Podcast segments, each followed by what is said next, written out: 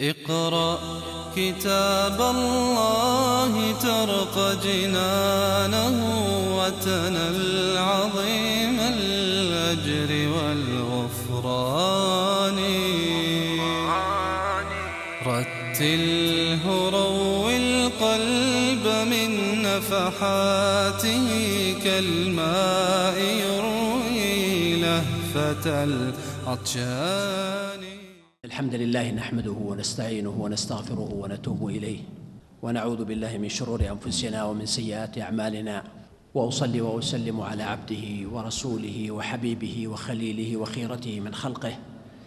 سيدنا وإمامنا رسول الله عليه الصلاة والسلام قدم هذه البقاع المباركة فأضاء منها كل شيء وغادرها راحلا إلى الدار الآخرة فأظلم منها كل شيء.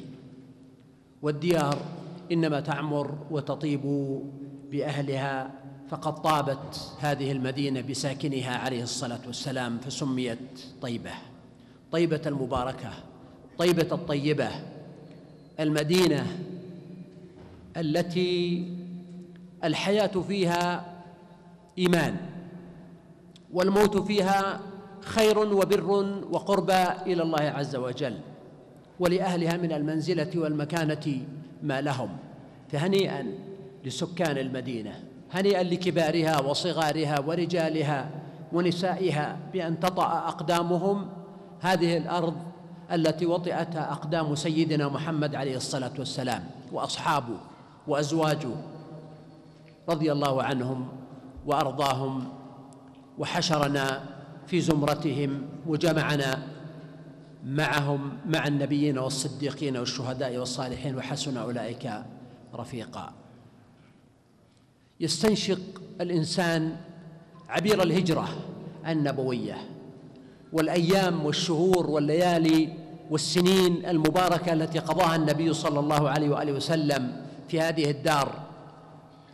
وجبريل يتنزل بالوحي بكرة أو عشية والكتاب الكريم تنزل آياته واحدة تلو الأخرى والصحابة يتسارعون إلى التدوين والكتابة والرسم والضبط وهم في أمة أمية لا تكتب ولا تحسب. ومع ذلك تحولوا إلى سادة وقادة وكتاب وقراء وأتقنوا هذا الكتاب بفضل الله الذي تكفل وقال إنا نحن نزلنا الذكر وإنا له لحافظون. أتقنوه كتابة باللغة التي لم يكن فيها كبير ضبط ولا كبير كتابة ولا كبير إتقان للحرف فتحولت إلى لغة عالمية. وتعرف العرب على الخطوط بواسطة القرآن الكريم. خط الرقعة وخط النسخ وخط الثلث وغيرها من الخطوط المعروفة. وضبطوا حروف هذا الكتاب وكلماته وآياته كتابة في الصدور وحفظا في الصدور. فأصبح كتابا يتلى ذلك الكتاب لا ريب فيه فهو كتاب أي مكتوب وهو قرآن أي مقروء ويتضامن النص الموجود في المصحف والمتفق عليه بصورة قطعية حتى في تلك الروايات والمخطوطات القديمة حتى الكتاب الإمام المصحف الإمام الذي كتبه ديوان الخلافة في الصدر الأول وأجمع عليه المسلمون. هذا الكتاب لا لا يزال موجودا ولا تزال المخطوطات من القرن الأول وعندي شيء منها. لا تزال في اليمن وفي تركيا وفي مصر وفي طشقند وفي غيرها من البلاد محفوظة بنفس النص ويستطيع الطالب في المرحلة الثانوية أو الجامعية أن يقرأ حروف تلك الكتابة التي كتبت قبل ألف ومائة أو ألف ومائتي سنة. ولا يزال صغار الطلبة في الكتاتيب اليوم يحفظون المصحف بالإسناد المتصل إلى شيوخهم إلى أبي بن كعب أو إلى أنس بن مالك أو إلى عبد الله بن مسعود أو إلى غيرهم من القراء عن رسول الله صلى الله عليه وآله وسلم عن جبريل عليه السلام عن رب العزة عز وجل. فيا لهذه النعمة العظيمة لو أحسنا شكرها وقمنا بحقها. قبل أن أدلف إلى هذه السورة العظيمة أقدم الشكر لمكتب الدعوة والإرشاد التعاوني للدعوة وتوعية الجاليات بجدة على تنظيم هذه الأمسيات وهذه المجالس المباركة فبورك فيهم وجزاهم الله خيرا وأشكركم على حضوركم وأود أن أذكر بأننا في مساء كل يوم بعد صلاة المغرب وبعد صلاة العشاء ربما لمدة ساعة تقريبا سوف نقف مع جزء الداريات حتى ننهيه فيما تيسر من هذه المجالس بإذن الله تعالى. أعوذ بالله من الشيطان الرجيم. بسم الله الرحمن الرحيم. والذاريات ذروا. هذه السورة اسمها سوره والذاريات كما في صحيح البخاري. ومن أسمائه أيضا سوره الداريات بدون قسم كما في سنن الترمذي وكتب التفسير وفي المصاحف أيضا سوره الداريات. وإنما سميت بالداريات لأن هذا اللفظ لم يرد إلا في هذه السوره وهي سوره مكية بإجماع المفسرين. وعدد آياتها ستون آية بغير اختلاف. تبدأ السورة بالقسم. وعادة القسم يكثر في السور المكية. والغالب أن الله تعالى يقسم في تلك السور على معاني. فيما يتعلق بالحروف المقطعة في أوائل السور. فالغالب أن الذي يأتي بعدها هو حديث عن القرآن وعن الكتاب وأنه من عند الله. بقية السور التي فيها أقسام القرآن الكريم فإنما القسم يكون على البعث يكون على صدق النبوة يكون على الجزاء والحساب وما أشبه ذلك من المعاني العظيمة. وقد يقول قائل لماذا القسم؟ لأن المؤمن يؤمن بأنه من عند الله حتى من غير قسم. وغير المؤمن هو لا يصدق أصلا بأنه كلام الله ولذلك لا ينفعه القسم. فأقول إن القسم بالنسبة للمؤمن هو آية ودليل على عظمة هذا الشيء المقسم عليه وأنه من الأصول الكبار ومن المعاقد العظيمة ومن الثوابت المطلقة.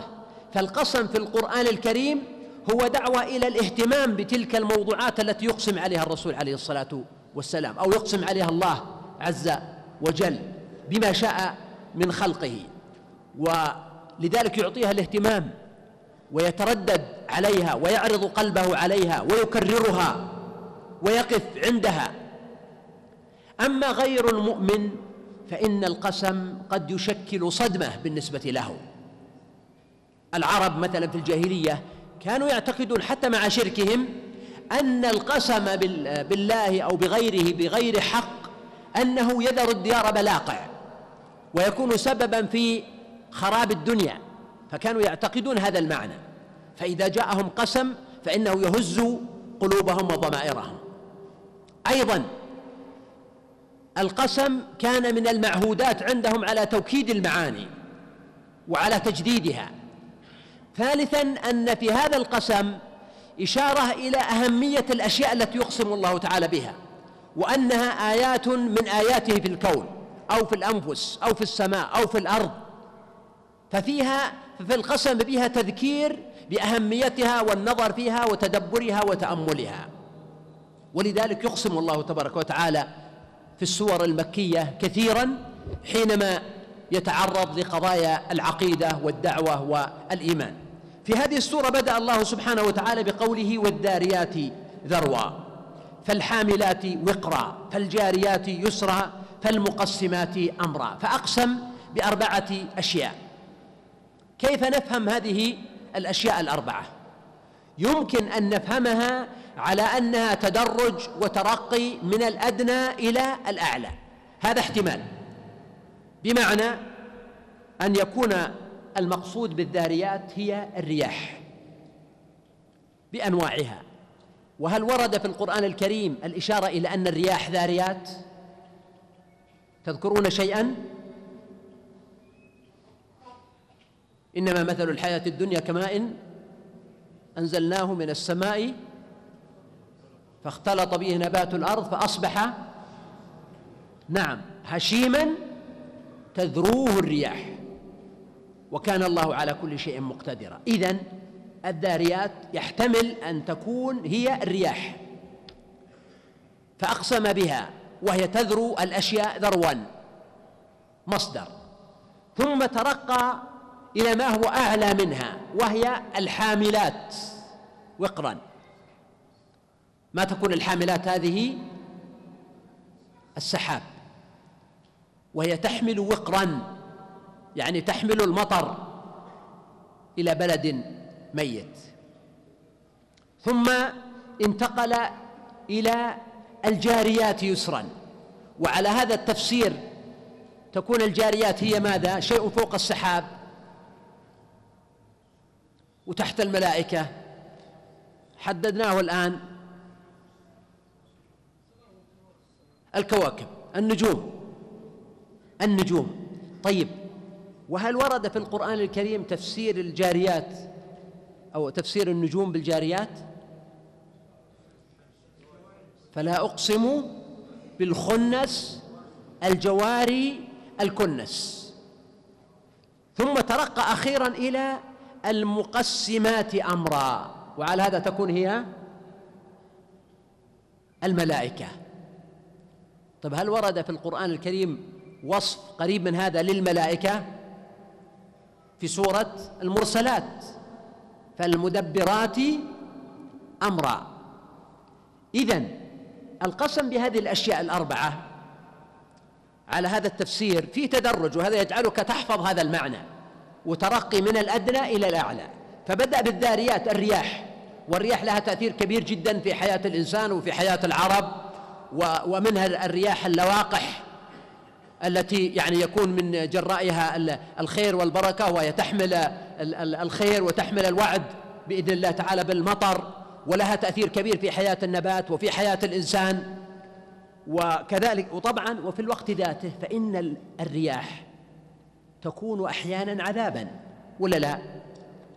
وفي السورة سيأتي الكلام عن تعذيب بعض الأمم فهذا فيه تعريض بأن كل نعم التي أعطاها الله تعالى للإنسان يمكن أن تتحول إلى نقمة أو عذاب عليه إذا لم يلتزم بأمر الله تعالى ودينه. وانتقل بعد ذلك إلى الحاملات وقرا. وهي السحاب وصفها بالحاملات وكأنها من الأحياء. ولذلك بعض العلماء قالوا إن الذاريات والحاملات هي النساء. وهذا القول لا يخلو من ضعف ولكنه ورد في بعض كتب التفسير. فقالوا إن الذاريات هي النساء لأن الذريات تخرج من أرحامها والحاملات هي المرأة أيضا لأنها تحمل أجنتها. وهذا القول فيه ضعف لكن أقول إن الوصف وصف الرياح بالذاريات ووصف السحاب بالحاملات كأنه أضفى عليها شيئا من الحياة. والمشاركة في هذا المهرجان الضخم الذي خلقه الله تعالى وسخره لبني آدم. فالجاريات يسرى هنا النجوم في كثرتها وتنوعها وضخامتها وتعددها وحركتها والغريب التعبير بقوله فالجاريات يسرى مثل ما قال فالجواري الجواري الخنس لأن جريان النجوم سهل يسير فهي مسخرة لذلك تتحرك بإرادة الله تعالى وبقدرته وقد يراها الإنسان أو لا يراها والعرب يعرفون شيئا من هذا العلم مما توارثوه. والله تعالى أقسم مرة أخرى بمواقع النجوم وقال وإنه لقسم لو تعلمون عظيم. اقرأ كتاب الله ترق جنانه وتنل عظيم الأجر والغفران. رتله روي القلب من نفحاته كالماء يروي لهفة عطشاني